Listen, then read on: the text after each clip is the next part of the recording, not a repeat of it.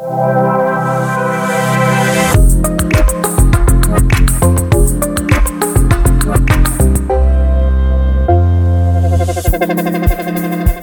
godmorgen og velkommen til dagens nyheder, programmet, hvor vi giver dig et overblik over de historier, der kommer til at fylde nyhedsbilledet i dag.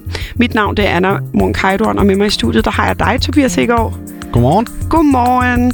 Kan du ikke lige rise op, hvad vi skal tale om i dag, Tobias? Det kan jeg da. Vi skal, en kort, vi skal have en kort status på sygeplejerskestrækken. Hvordan går det egentlig med den? Og så skal vi også et smut til Sverige, hvor der er sket lidt siden vi stod her i går. Spændende. Og så skal vi til sidst snakke om en sag, hvor der falder dom i dag. Den handler om telefonlukning. Men vi starter med at dykke ned i sygeplejerskestrækken. Tobias, kan du huske, hvor mange dage siden det er, sygeplejerskerne gik i strække? Det er det ikke cirka halvanden uge siden, før forrige weekend? Det passer rigtig godt. Det er lige præcis 10 dage siden, Ja. øh, at over 5.000 sygeplejersker gik i strække. Og hvis vi lige kort skal forklare grunden til strækken, så er det jo fordi, at 66,7 procent af medlemmerne i Dansk Sygeplejeråd øh, har stemt imod forlisinstitutionens forslag til en ny overenskomst. Mm-hmm. Og det er altså især lønnen, som sygeplejerskerne vil have ændret.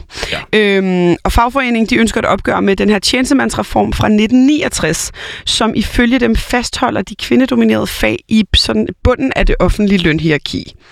Øhm, og dem, der så i de her dage bliver mest ramt af strækken, det er jo selvfølgelig de patienter, som har planlagt operationer på de danske sygehuse. Øh, men der er planlagt nødberedskaber rundt omkring, som skal tage sig af livsnødvendige opgaver på de strækkeramte områder. Øh, og det betyder så, at kraft, børne- og psykiatriområdet, det er altså fredet. Det samme er al coronabehandling, så det er på nogle af de ikke-kritiske områder, hvor sygeplejerskerne strækker. Vi har altså taget en øh, snak med Victoria, der er sygeplejerske på børneområdet. Hun er så ikke udtaget til strække, men hun sætter lidt ord på, hvordan det føles at stå i den situation, som mange af hendes kolleger og hun står i. jeg oplever en større, øh, altså et større pres på os for at vise øh, solidaritet med dem, der er udtaget til strække. Netop fordi, at der er ikke så meget, vi kan gøre. Vi bliver jo nødt til at møde på arbejde. Vi bliver nødt til at gøre alt, hvad vi plejer. Øh, samtidig med, at vi har den her kæmpe følelse inde i, at vi altså ikke bliver øh, værdsat på samme måde som, som andre fag med lignende uddannelseslængder eller lignende ansvarsområder. Det kan jo godt være lidt svært øh, på en eller anden måde praktisk at udvise støtte til de strækkende, når man ikke selv er udtaget til det, Tobias. Kan du komme på nogle metoder, man kunne gøre det på? Det er vel noget med noget moralsk opbakning, og hvis det er for sygeplejerskerne, komme med kaffe til, til demonstrationerne og sådan noget. Sørg for, at øh, dem, der så går på gaden, at de har det, har det godt. Lidt forplejning, det lyder Ja, rigtig, rigtig Det godt. tror jeg, der vil være min tanke. Jamen helt sikkert, det vil jeg da også sætte pris på, hvis det var mig, der skulle ud på pejgaderne. og øh, Victoria, hun gør så også nogle flere ting for os. Vi støtte til, til, til de strækkende kolleger. For det første, så deler hun opslag på de sociale ja. medier, og hun har set demoer på Facebook. Og så er der også en tredje måde, hvor hun og hendes kolleger prøver at, at vise støtte på. Så er der jo det der med, at vi øh, i vores personalegruppe forsøger ikke at tage ekstra arbejde ved at vise vores støtte, så vi lægger et pres på arbejdsgiverne. Og vi lægger det her pres på arbejdsgiveren ved at vise, hey, hvis ikke vores fleksibilitet var så stor, altså hvis vi ikke som sygeplejersker havde så stor fleksibilitet, så havde I aldrig kunne få arbejdsplanen til at gå op, fordi det er jo flere gange ugenligt, at man bliver bedt om, hey, er der ikke nogen, der kan tage en ekstra vagt? Og, og det bliver vi nødt til at slå ned på og sige, nej, det kan vi ikke. I må, I må nøjes med dem, der er på arbejde. Og det er pisse synd for vores kollegaer, fordi de skal løbe ekstra stærkt. Men så begynder ledelsen jo at lokke med en gulderåd. Fordi ledelsen ved, at vi lever af tillæg. Så derfor ved ledelsen godt, at hvis vi lokker med tillæg, så siger de ja.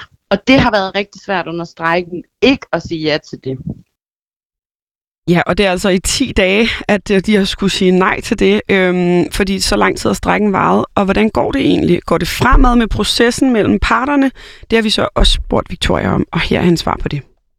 Nej, altså, nej.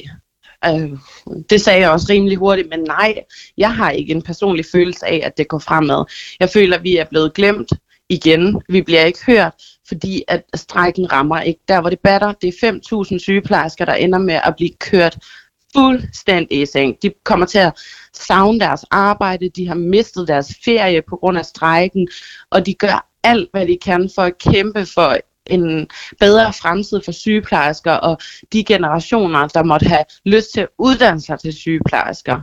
Men det er kun 5.000 sygeplejersker ud af 42.000 aktive sygeplejersker.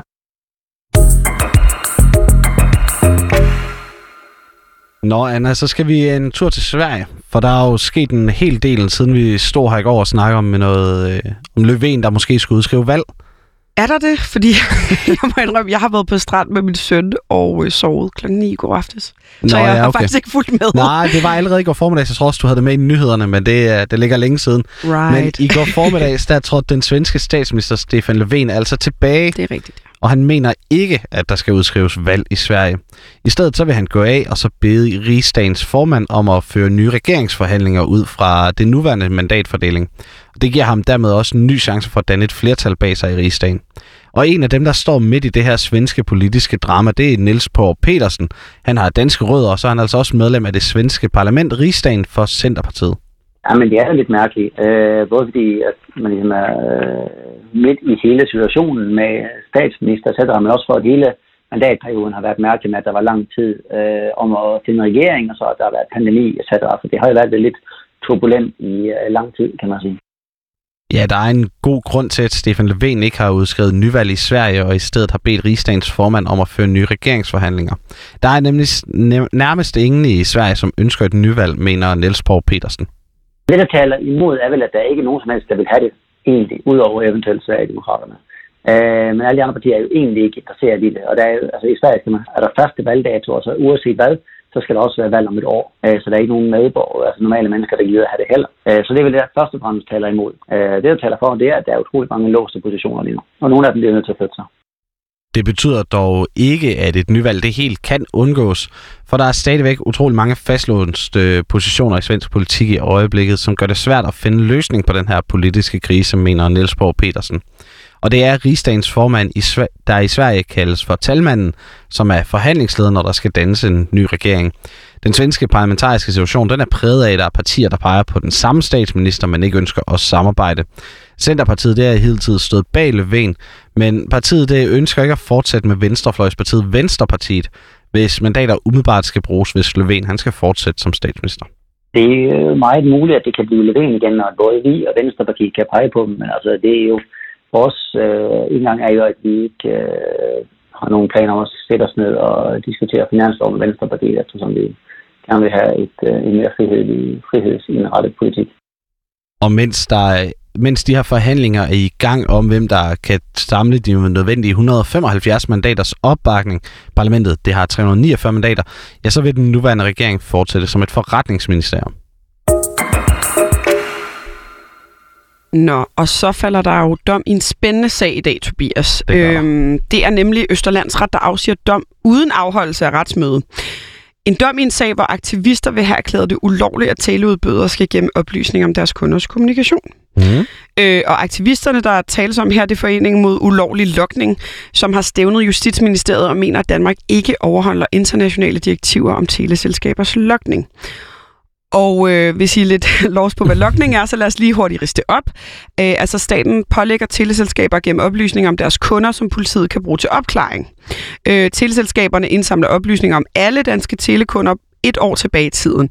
Og det har stået på i årvis, selvom EU-domstolen flere gange har kendt det ulovligt. Ja. Øhm, mm, men det er dog fortsat både under blå og røde regeringer. Og oplysningerne fortæller, hvem kunderne har ringet til, hvem de har sms'et til, og hvilken masttelefonen har været forbundet til. Og det kan give et meget præcist billede af, øh, hvor den enkelte har befundet sig, og er derfor et meget vigtigt redskab for politiet. Øhm, men lokning, det er altså ikke indholdet i kommunikationen. For eksempel, hvad der bliver sagt i en telefonsamtale, eller hvad der bliver skrevet en sms-besked. Øhm, men det er altså senere i dag, at der falder dom i denne her sag.